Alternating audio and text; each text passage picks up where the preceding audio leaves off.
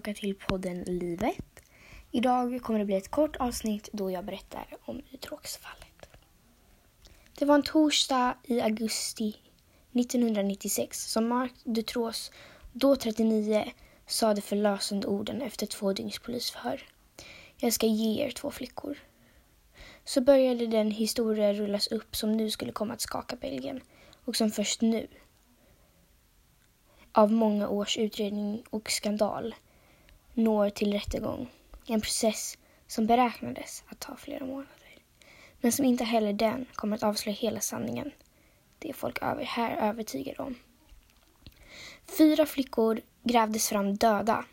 Många andra offer skymtar i utkanten av den cirka 500 000 sidor långa förundersökningen. Men det är två flickor som de Tråks plötsligt ville visa upp den här torsdagen var vid liv. Om än svultna och skräckslagna när polisen forcerade lönndörren i källaren till det schabbiga huset i byn Markinel som var en av pedofilens många nästen. Sabir Darden, 12 år, och Latita, Latitia Delhaes, 14 år, hittades i vad som beskrivits en tortyrkammare och fängelsehåla. En våningssäng av järn i ett mörkt, kalt rum med cementgolv bakom en låst dörr. Nästan omöjligt att upptäcka utifrån. De har hållits inspärrade, fängslade med kedjor runt hals och fötter, våldtagits, filmats, skrämts, att bara viska till varandra och att aldrig ropa på hjälp, för då skulle någon ännu värre komma och ta hand om dem. De första reaktionerna var tårar. Nej, Mark Tråk grät inte. Men föräldrar och poliser vars barn spårlöst försvunnit. Och det som dagar efter, på, efter dag efter dag tittade på tv och i tidningar kunde följa både rörande skildringar och av lycklig återförening och grymma bilder av föräldrar som efter år av saknad och ovisshet och en liten, liten låga av hopp Ni fick oåterkalleliga beskedet att deras flickor hittats döda.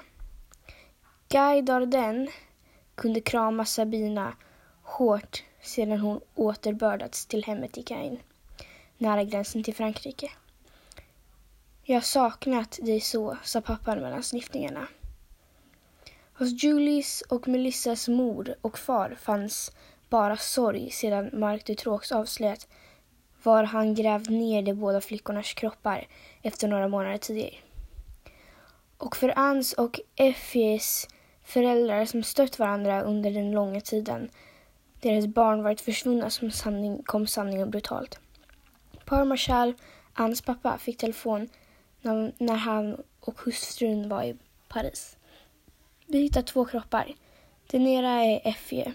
Den andra är ännu inte identifierad. Men Paul förstod i detta ögonblick var som om marken försvann under mina fötter. I förhören med Sabine, Sabina och Latita gav flickorna detaljerade men inte helt samstämmiga berättelser om vad de utsatts för i den mörka källaren och om vilka förövringar var. Några dagar efter frigivningen träffade Aftonbladet om i, träffade Aftonbladets reporter Rickard Aschberg Latitia i hennes hem i Bertrix. Omgiven av ett hav av blommor, brev och presenter från vänner.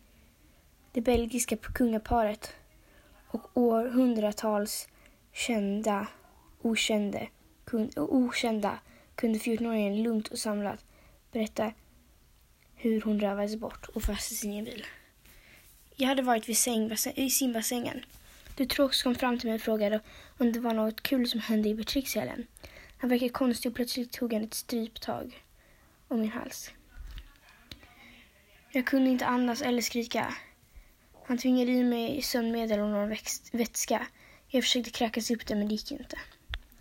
Först tre dagar senare vaknade hon i en våningssäng förvirrad och omtöcknad av och utan en aning om vad hon fann sig. Men i sängen fanns Sabine, fånge hos Dutrox sedan mer än 70 dagar. De båda flickorna kunde prata med varandra med låg röst. När, dörr, när lönndörren till det hemliga rummet till slut öppnades var det Mark Dutrox som kom för att berätta att han kidnappat Latitia och begärt en lönsumma, lösensumma av hennes mamma men att mamman inte hade lust att betala. Och sedan. Vi utnyttjades på alla sätt. Han tog upp oss en och en ur källaren. Vi tvingades bada med honom i badkaret och sedan våldtog han oss. Han borde få dödsstraff. Han huv hans huvud borde skäras av. Då 1996 gav Latitia intervjuer, inte Sabine. Idag är, om, är rollerna ombytta. Latitia skyr all offentlighet och vill inte vittna i rättegången. Sabine däremot tänker ställa sig i vittnesbåset och titta Dutroux ögon och visa att han inte lyckats knäcka mig. Redan förra året i februari höll Sabine för första gången en presskonferens. Hon gjorde det för att utöva påtryckning på den belgiska rättsapparaten. Efter mer än flera år var fortfarande ingen rättegång i sikte, inget åtal väckt. Den första tiden fick jag ligga naken på en bänk bunden med en kätting runt halsen, berättar hon. Under de 80 dagar hon hölls fången fick hon dricka vatten ur en hink och fick mat ibland. Några detaljer om övergreppen vill hon inte ge. Mark Dutroux beskrev hon så här. Han blev total ursinnig om jag inte gjorde som han sa. Sabine Darden var långt ifrån Mark, Mark Dutroux första offer. Redan i mitten på 1980-talet gjorde han sig skyldig till flera bortrövningar, våldtäkter och övergrepp. Och han greps i februari 1986 och dömdes till fängelse i 13 år och 6 månader. I samband med en stor amnesti beslutad på regeringsnivå frigavs han knappt tre år senare. Han hade inte varit länge på fri fot innan misstankar om nya illgärningar väcktes.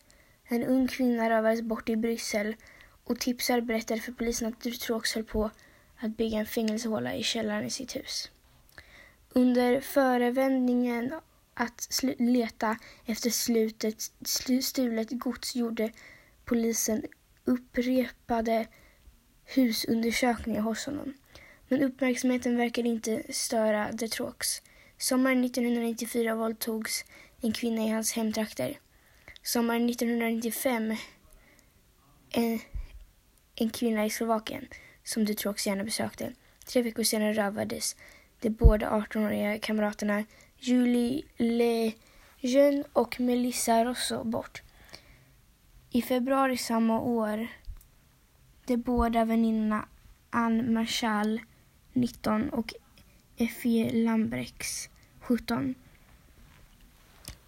De fyra senare skulle alla hittades, hittas döda sedan polisen slagit till mot Dutroux. Hans hustru Michelle Martin, hans medhjälpare Michel Lelivre och hans gode vän affärsmannen Michel Nihol.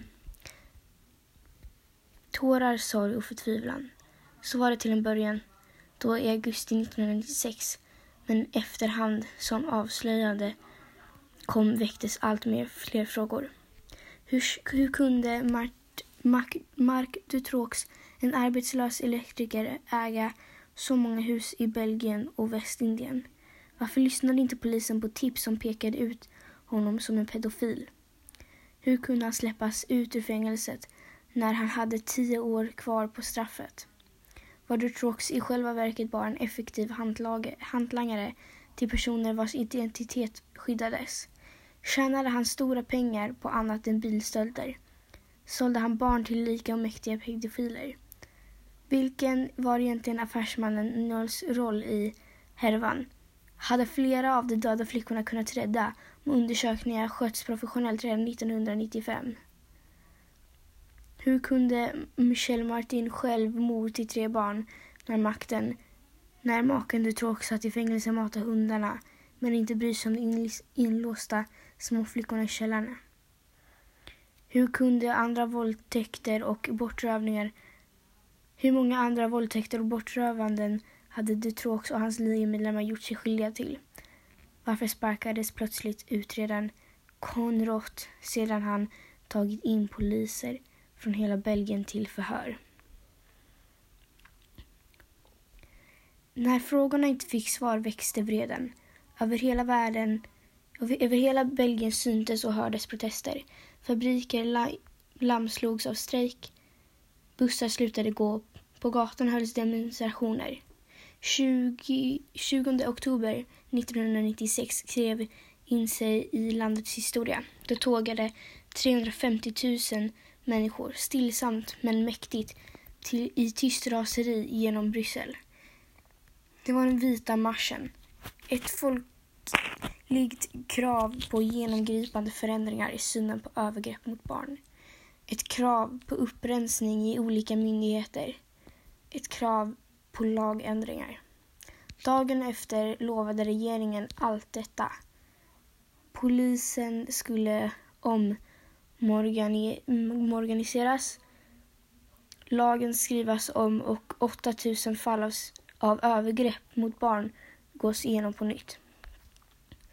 En del av de utlovade reformationerna har genomförts, men pedofilernas framfart tycks inte ha satt spår för alltid i Belgien. Skam och skuldkänslor märks fortfarande. När jag häromdagen frågade ut lit, äh, litteratur om fallet Dutroux i Bryssels första bo, största bokhallen svarade beträdet undvikande att det bara fanns en, så, en sådan bok. Tio minuter senare hade jag på egen hand hittat fem till. Alla undangömda eh, högt upp ovanför hyllan med historiska berättelser från andra världskriget. Vid utgången satt bilder på saknade barn, precis som, gjorde, som det gjorde när Dutroux härjade fritt. När Melissas och Julis och de andra bilder fanns överallt. Än idag när rättegången till slut ska bli av saknas många svar på de sju år gamla fotograf fot frågorna. Kanske kommer inte, inte att ges inför domaren till Arlon heller. Ann Marshalls pappa Paul som skrev så här i, i, bo, i den bok som dotterns död som kom ut efter gripandet av Drutrox. Den vita marschen var inte slutet på historien. Den var början sa nyligen om sina förhoppningar på den efterlägna processen. Man vill inte att sanningen ska komma fram. Det är min känsla. Man vill inte att sanningen ska komma fram. Inte alls. Ingen bra utgångspunkt för en rättegång. Men ord som åter blivit i tidningsrubriker i Belgien. Tack för att ni lyssnade på det här korta avsnittet om lite om Detroxfallet. Eh, om ni vill att jag ska göra några fler så här avsnitt så följ min podd. Eh, podden eh, understreck livet understreck official och kommentera eller DMa. Eh, hoppas att ni gillade det här avsnittet. Vi syns. Hej då!